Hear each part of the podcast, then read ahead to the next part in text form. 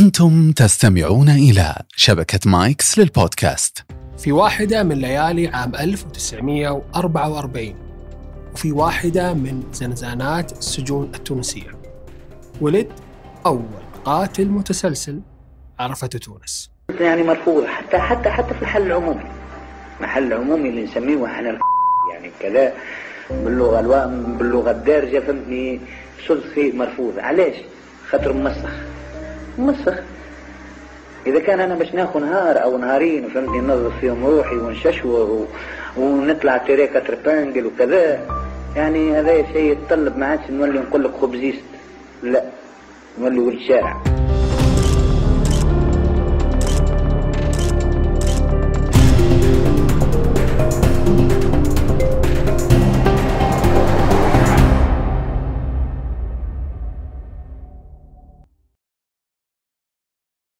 سفاح نابل اللي ولد في عام 1944 ولكن ولد داخل زنزانة.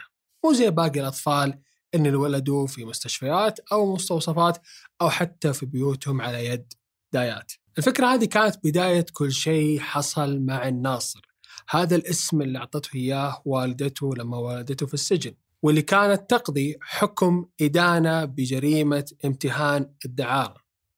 وبعد ما خرجت أم الناصر قررت أنها ترتبط بمزارع. المزارع هذا عرض عليها الزواج في المقام الأول والمقام الثاني عرض عليها شيء أهم هو الأمر اللي شجع أم الناصر أن توافق على هذا الزواج وهو اللقب اللي راح يضاف إلى اسم ابنها. بمعنى راح يكون له بطاقة أحوال شخصية زيه زي باقي الأطفال. وفعلا من هنا صار عندنا اسم للناصر وهو الناصر الدامرجي. الناصر الدامرجي عاش حياة طفولة طبيعية جدا نوعا ما. كان عايش مع زوج أمه بشكل طبيعي ما حسسه أنه زوج أم بقدر ما كان أب.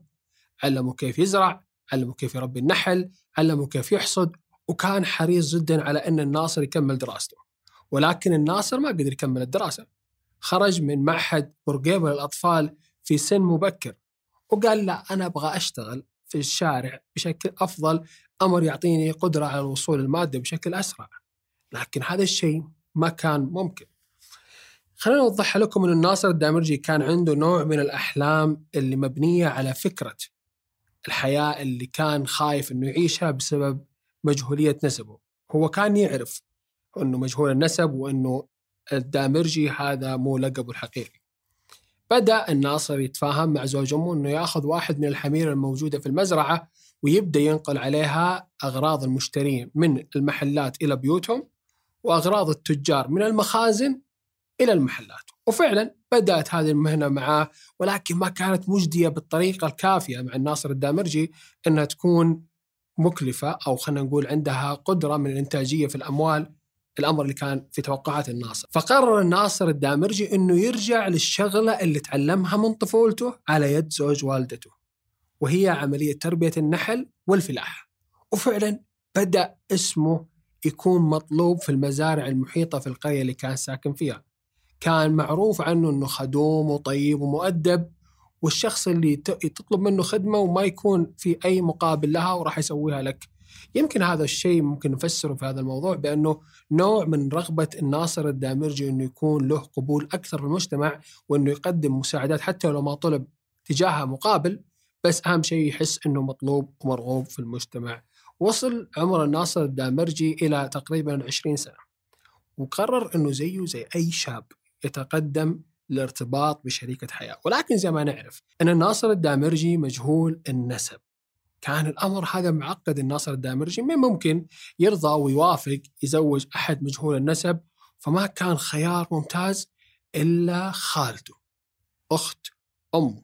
يعني هي مدركة البير وغطاه وعارفة الوضع كامل إيش يعني. فقرر يذهب لهم وعنده نوع من الشك إنهم يوافقون عليه. ولكن هذا الشك كان غير محله لما دخل الناصر الدامرجي وطلب يد بنت خالته راضية. عشان يتزوجها وافقوا وهنا انصدم الناصر الدامرجي من سرعة الموافقة. الصدمة هذه ما هي مبنية على عدم الرفض بقدر إنها ما هي متوقعة بسبب ممكن الصورة اللي كان عايشها الناصر الدامرجي بينه وبين نفسه عن نفسه هو. إنه طفل من علاقة غير شرعية ومن سيدة كانت تمتهن الدعارة وسجينة وولد في سجن فكان يرى بأنه ما في أحد راح يقبله.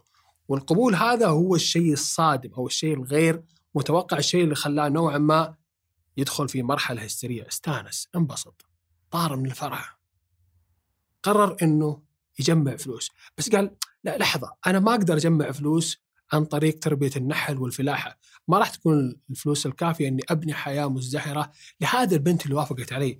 أنا أبغى أكرمها بشكل أكثر. فقرر في عام 1964 لما كان عمره 20 سنة إنه يسافر لفرنسا علشان يبدأ يجمع فلوس للزواج ويبدأ يأسس حياته الأسرية بشكل ممتاز. أربع سنوات قضاها في فرنسا اشتغل شغلات كثيرة.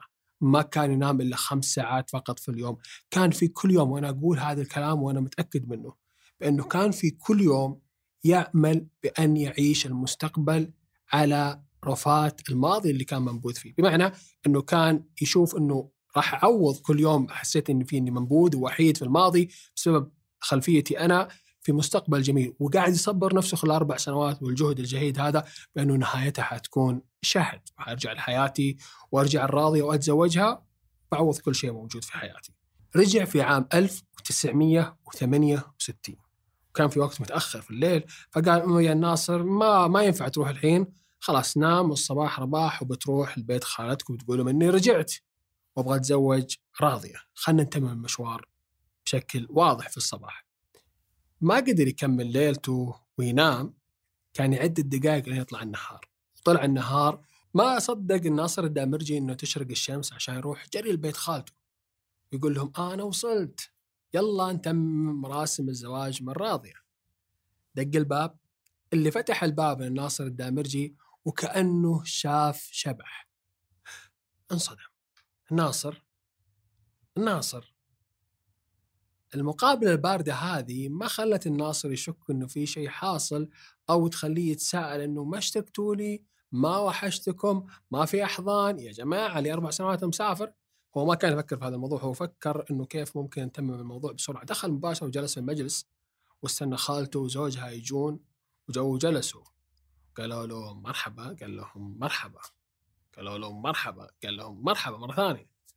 أه تبغى قال لهم كيف إيش أبغى في بيننا اتفاق قبل أربع سنوات وخطبة الآن جاي نتممها قالوا له بخصوص هذا الموضوع راضية تزوجت شخص آخر.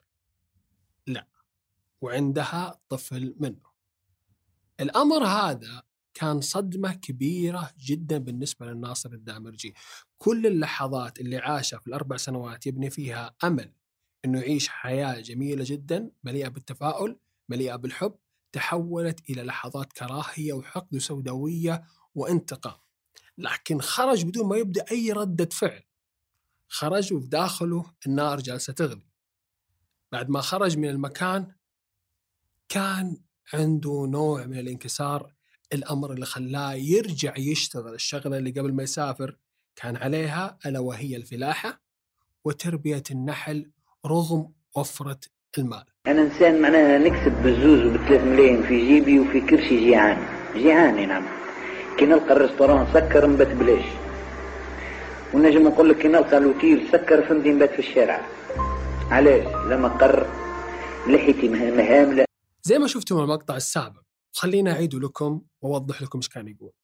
هو يقول أنه أنا كنت أجوع بس لما كنت أروح لمطعم وألقاه مقفل ما أروح لمطعم ثاني وأنام وأنا جيعان نفس الشيء لما أروح لفندق وألقى ما عنده أسرة فما أروح الفندق ثاني وأنام في الشارع. هذه النقطة تذكروها زين فبنرجع لها في آخر الحلقة لأنها مهمة جدا. ما علينا الناصر الدامرجي بدأ يحاول يستكشف الحياة وبدأ ينزل للسوق ويحاول يعني يسوق لنفسه بدا يشوف إنه يقول للناس إنه أنا ممكن أساعدكم في الفلاحة في تربية النحل يأخذ بعض الأوقات من المزارع اللي فيها النحل شيء من العسل ويبدأ يبيعه في السوق كنوع من الدعاية بالنسبة له. في هذه الفترة كانت في طفلة في السوق اسمها غاية. غاية هذه كانت تروح وتجي مع أختها فاطمة. الناصر الدامرجي انجذب لها بطريقة منحرفة وطريقة معتله بس لا زالت في باله لحظات الرفض اللي حصلت أو بمعنى أصح لحظات الانقلاب على العهد اللي حصلت بينه وبين خالته اللي تعرف كل شيء عنه وعن ظروفه. فقرر في خياله الإجرامي أنه لابد أني أسوي تصرف.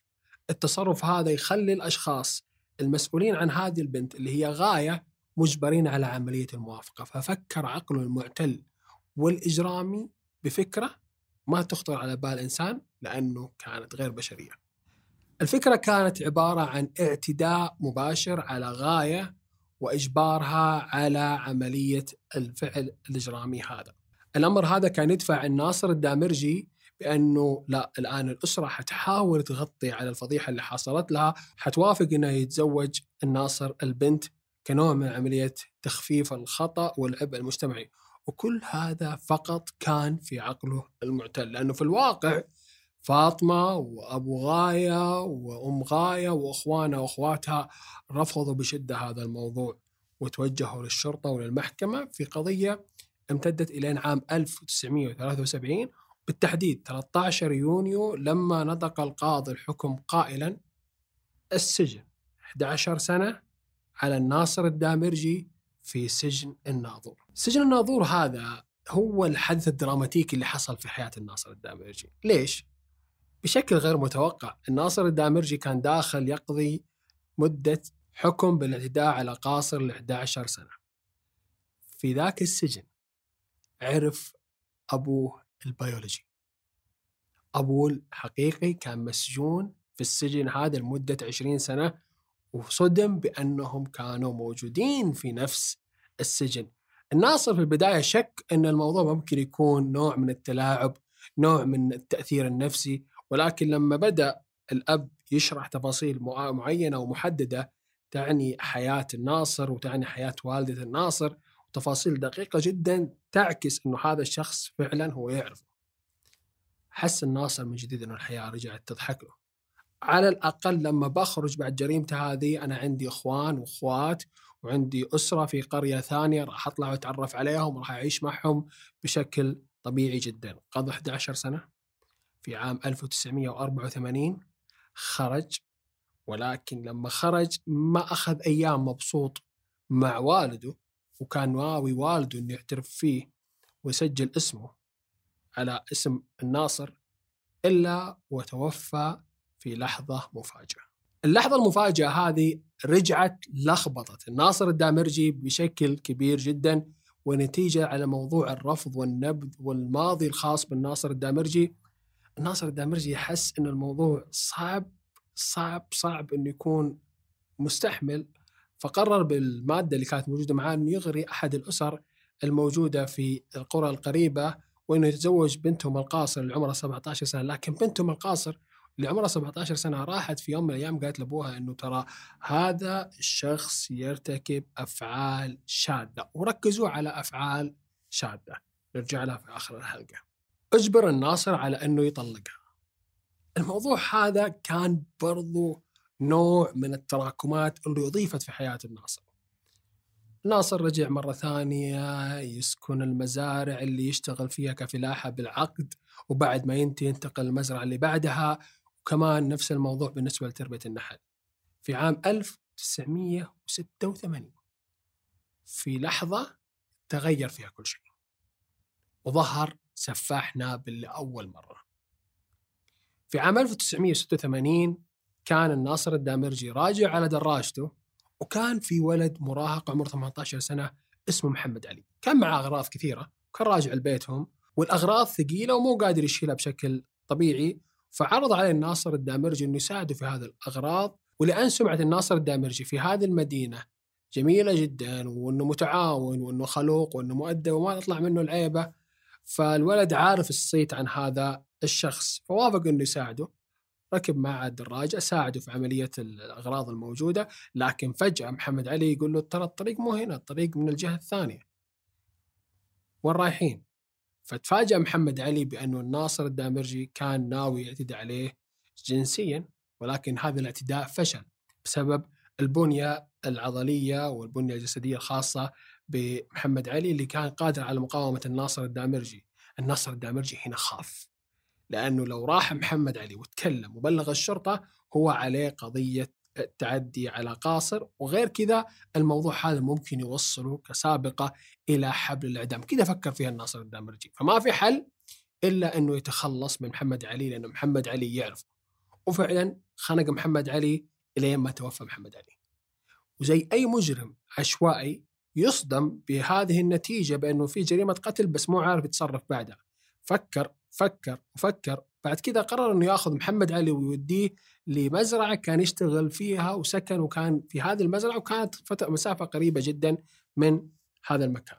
الموضوع هذا خلاه وهو يمشي يحسب حسابات إنه الناس لو دروا عني وش بيسوون فيني، أنا إيش سويت، أنا استاهل، خليني أنسجن، خليني أموت، كنوع من جلد الذات الموجود، حط الولد في غرفته وسك الباب ورجع للسوق علشان ينفي كل الشبهات عنه. لمدة سبع ساعات بعد كذا رجع لغرفته.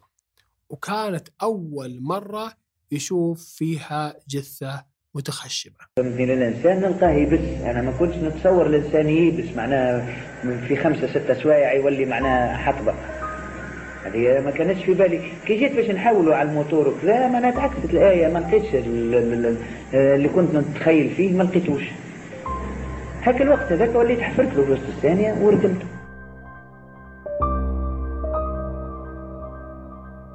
اللحظة هذه كانت مهمة جدا في كسر حاجز الخوف وإظهار السلوك الإجرامي الخاص بالناصر الدامرجي.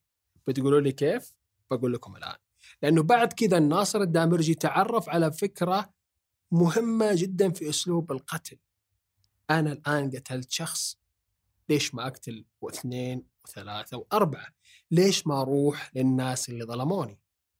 وفعلا كانت أول ضحية منظمة للناصر الدامرجي هو ابن راضية اللي هي بنت خالته اللي كانت راح تتزوجه. ومو هنا المشكلة. برضو المشكلة الأكثر والأكبر أنه بعد ما قتل هذا الطفل دفنه في مزرعة أخت راضية اللي كان زوجها متعاقد مع الناصر الدامرجي عشان يربي النحل في داخل هذه المزرعة. أنتم متخيلين كمية الفكرة كيف يبغى يجعل الأسرة تدور على الشخص هو موجود في ملكياتهم الخاصة. بعد كذا الناصر الدامرجي رجع لدفتر ذكرياته والرغبة بالانتقام وشاف إنه فاطمة عندها طفل. فاطمة هي أخت غاية الطفل اللي اعتدى عليه الناصر الدامرجي وعلى إثره تم سجنه 11 سنة. وفعلا راح واختطف إبراهيم ابن فاطمة وبعد كذا قام بقتله ودفنه.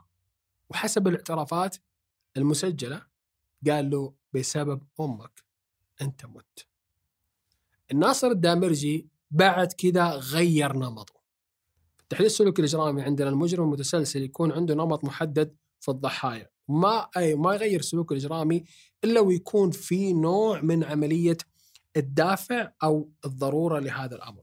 فالناصر الدامرجي لما غير سلوكه غيروا من ناحية الجنس ولكن لا زال في ناحية الأعمار. يعني من تسع سنوات إلى 11 سنة 12 سنة.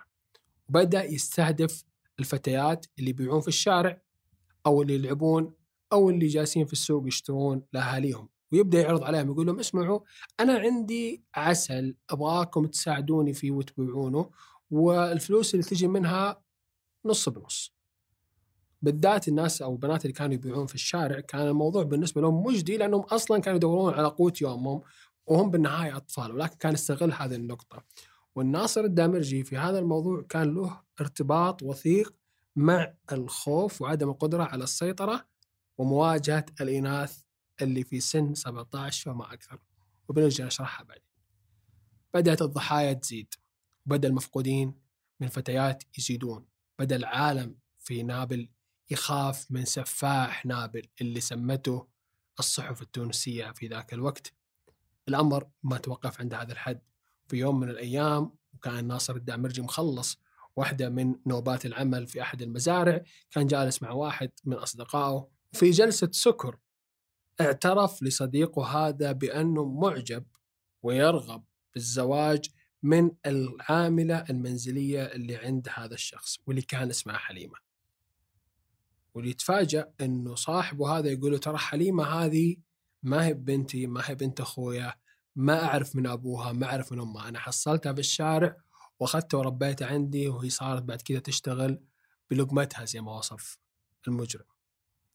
فالناصر الدامرجي انجذب لعنصرين انجذب لعنصر العمر اللي هي قاصر والثاني انجذب وهو الأهم انجذابه لنفس الخلفية بمعنى أنه هي برضو زي مجهولة الهوية وما تعرف من أبوها أنا نفس الشيء إحنا الاثنين نناسب بعض فمو ممكن أحد منا يقيم الثاني وراح نكون مناسبين بعض. بس كانت في مشكلة واحدة. المشكلة هذه كانت موجودة عند هذا الشخص. وقال له اسمع ترى البنت هذه ما عندها إثباتات ولا عندها أوراق تبين من هي وأنا أصلا ماني ولي شرعي عليها وما عندي القدرة القانونية إني أزوجك إياها وغير كذا هي قاصر فبالنهاية الموضوع بيكون غير قانوني بالكامل. وأنت وسط كلامك وأنت جالس تعبر عن هذا النوع من الفتيات وهذا العمر شرحت لي إنك قتلت عشر فتيات. فإيش رأيك؟ أنت الآن تسوي فعل غير طبيعي ومجرم وأنا أسوي فعل غير طبيعي ومجرم واعتبر أنك بهذا الفعل قدمت مهر حليمة. قال له تفضل أطلب اللي تبغاه. قال له أنا عندي واحد بينه وبينه مشكلة وظلمني وعنده ولد وأنت خبرة. يعني تعرف كيف تقتل وتخلص بدون ما يكون عندك تأنيب ضمير ولا هذا الشيء. خلاص وصلت لرقم عشرة. مو برقم بسيط جدا. قال له طيب ما في مشكلة. أقتله وأجيك واقول لك إني قتلت ودفنت في المكان الفلاني. المكان هذا هو اللي راح يكون مهر حليمة. بالضبط كان الاتفاق على هذا الأمر. راح واعتدى على الطفل وتخلص منه وفي طريقه للرجعة ألقت الشرطة على القبض. ليش؟ لأنه واحدة من الشهود العيان شافت واحدة من الضحايا في آخر ظهور لها قبل اختفائها كانت خارجة مع الناصر الدامرجي من السوق. فلما مسكوا الناصر الدامرجي وحققوا معاه ما لقوا أدلة كافية. فاطلقوا سراحه فلما اطلقوا سراحه راح لصديقه بيكمل باقي العقد اللي بينهم بيقولوا يلا زوجنا حليمة أنا جبت لك إثبات إني قتلت الطفل لك. فقال له صاحبه من قال لك إني قلت اقتله أنت اللي قتلت أنا ما أقدر أزوجك. فثارت حفيظة الناصر الدامرجي غضب. ولأنه ما يقدر يواجه البالغين رجع على نفس النمط واللي هم الأطفال الأقل من سن 15 سنة واعتدى وخطف بنت وقتلها. في هذه الأثناء وهو راجع للسوق بعد التخلص من جثتها ألقت الشرطة القبض عليه كانت عندها أدلة كافية تدين الناصر الدامرجي. لكن بشكل أو بآخر هرب الناصر الدامرجي من وقت الترحيل من قسم إلى قسم ولكن رجعوا ألقوا القبض عليه لما رجعوا ألقوا القبض عليه اعترف بارتكابه 14 جريمة قتل أربع ذكور اللي هم محمد علي وابن راضية وابن أخت غاية وأيضا الطفل اللي كان أرسلوا عليه هذا المجرم الآخر كهدية زواج لحليمة غير العشر فتيات اللي قام بقتلهم. الناصر الدامرجي بعد كذا اعترف وجه الشرطة وراح معهم لأماكن الدفن الموجودة بشكل منتشر في مزارع كثيرة. نتذكرها بالضبط أو متر بري نتفكر ما فيني يقول احفروا هنا يحفروا يلقاو فما حالة ولا اثنين آه، ما نعرفش عملها. ولا هو غلط. قال احفروا هنا وحفروا حفروا حفروا ما لقاو حتى شيء. وبعد قال نو نسيت. آه، ولا بدلوا البقعة إلى غير ذلك حتى لقاو القاع البقعة اللي فهمتني. مي في أغلبية الحالات آه، يعرفهم بالضبط فين. وكان ذكي معناتها. خاطر تعرف الجثة كان تحفر شوية وتدفنها. بعد الكلاب واحد يشموا الريحة يخرجوها ما حتى 50 سنتيمتر ينجم الكلب يحفر يخرجها فهمني هو اش عمل؟ معناتها دفنهم تقريبا متر وغرق حفرهم donc فما خدمة خدمها مش ورجع التراب. وقبل ما يحط ال couche الأخرى بتاع التراب حط du papier آه، واحد بلاستيك. حط بلاستيك كليكا وغطى عليه بالتراب. من فوق وترى كان التراب وكاو فما شيء البلاستيك هذاك يقلل من الريحة ويزيد en plus لوطا معناتها à peu près 1 متر حفر لوطا donc pratiquement الريحة ما تخرجش الكل دونك الكان اللي خمم مليح عاد. كي؟ معناتها مش باش تعمل حاجات هذيا. والابحاث يستعرف هو فهمني؟ هذيك ال période أصعب période نتفكر في تونس معناتها الاشاعه وطلعت مش اشاعه معناتها ناس أولادها تفقدت réellement فهمني؟ déclaration. كل واحد وش يقول وكل واحد السفاح وغيره وغيره لكن ما فماش السفاح مش موجود معناتها ما قوش فهمني؟ هو يدور مع الناس. وقتها آه، période معناتها الناس كلها خايفه على اولادها في الجمهورية كان.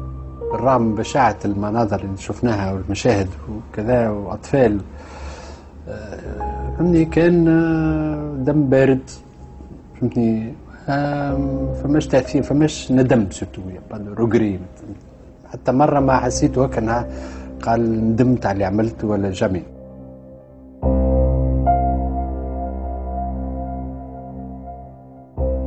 يتكلم مليح ويفدلك برشا زاد مش معناتها هو كسر الهم يضحك معناتها. ال atmosphère الجو بتاع مكابر الناس جثث وكذا هو بالعكس يفدلك يلقى الوقت باش يعطي نكتة ولا باش يضحك ولا باش يضحكك ولا فهمت؟ وهذا اللي بهتني فيه معناتها. تقول فما une séparation معناتها scission بين ال- فظاعة الموقف موقف فهمتني خطير وبين ال comportement بتاعه يعني ال- ال- الآن إحنا عرفنا إيش حصل في قصة وقضية الناصر الدامرجي أو كما عرف بسفاح نابل أول مجرم متسلسل كقاتل في تونس. طيب إيش اللي حصل؟ خلونا نتذكر النقاط اللي قلت لكم تذكروها معايا ونبدأ من أول نقطة ولادته في السجن. ولادة الناصر الدامرجي في السجن كانت جزء من تكوين الخلفية العقلية الخاصة فيه. بمعنى هو يشعر بأنه مجرم من لحظة الولادة. هذا ما يراه في عقله. يعني كل الآن قاعد يتكلم عنه في عقل المجرم نفسه. الموضوع الثاني والنقطة الثانية هي نقطة اكتشافه أنه بدون أب وأنه نشأ عن طريق علاقة محرمة. وهذا الأمر برضو في مجتمع ينبذ هذا النقطة ودين ينبذ هذا الموضوع كان عامل ضاغط بالنسبة له ومؤسس على فكرة بأنه أنا شخص منبوذ لأنه ارتكبوا فيني غلط أنا ما كنت المسؤول فيه. لما خرج للحياة الواقعية وحاول يندمج مع الناس كان هناك هذه الصبغة عليه. هذا الأمر اللي دفعه أنه ما يكمل دراسته ويخرج ويحاول يعتمد على نفسه كنوع من الانفصال عن مجتمع الأقران الأطفال اللي كان يشوف آبائهم وكان يشوف عوائلهم وكان يشوف السيرة الذاتية الخاصة فيهم وكيف كانت. منمقة عكس هو اللي ما كان يقدر يقول أنه ترى الدامرجي هذا مو باسمي. أنا ابن علاقة محرمة. الأمر هذا اللي شاله معاه إلين لحظة الخطبة الأولى اللي كانت من راضية. اللحظة هذه هي اللحظة اللي نقدر نقول أشعلت أول شرارة في السلوك الإجرامي هو شعوره بالقبول لأول مرة في حياته. لأول مرة بينه وبين نفسه حس إنه في أحد يدوره في أحد قابله في أحد فهم إيش مر فيه في أحد ما يلومه. وعاش على هذه الفكرة لمدة أربع سنوات. يوميا هي تدور في عقله.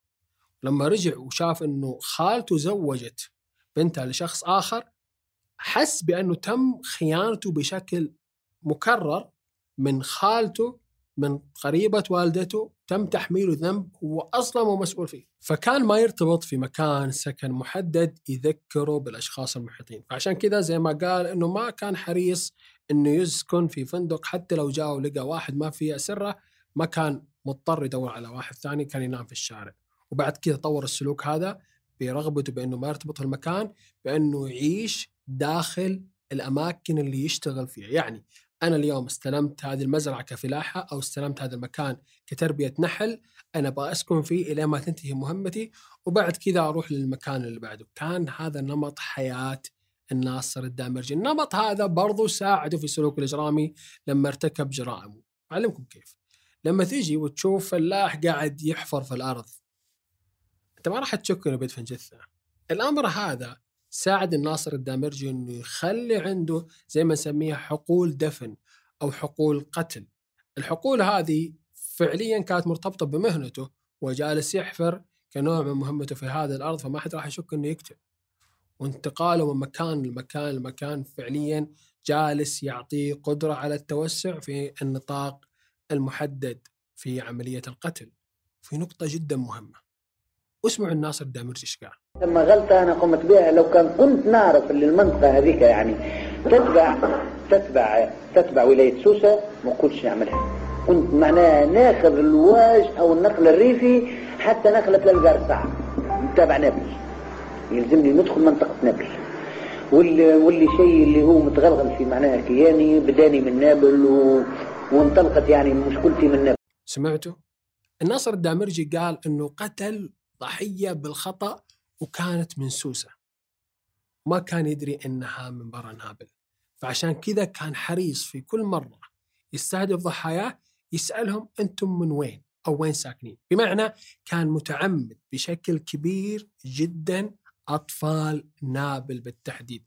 كان عنده مشكلة في الأساس مع مدينة نابل، عدم الانتماء أو عدم شعور الانتماء. عدم شعور الانتماء اللي كان هو يحسه تجاه هذه المدينة يبغى أفراد المدينة نفسهم يحسون تجاه هذه المدينة، هو يحاول يقول إنه لا زي ما أنتم رفضتوني خليكم تكرهون المدينة هذه بالكامل، فعشان كذا كان قراره إنه يستهدف هذا النوع من الضحايا. لازم أقول لك لازم أقول لك ما مبرمج في حياتي حاجة اسمها الاستقرار. لاني فيها سيتقضى علي يعني من باب اللا إنساني.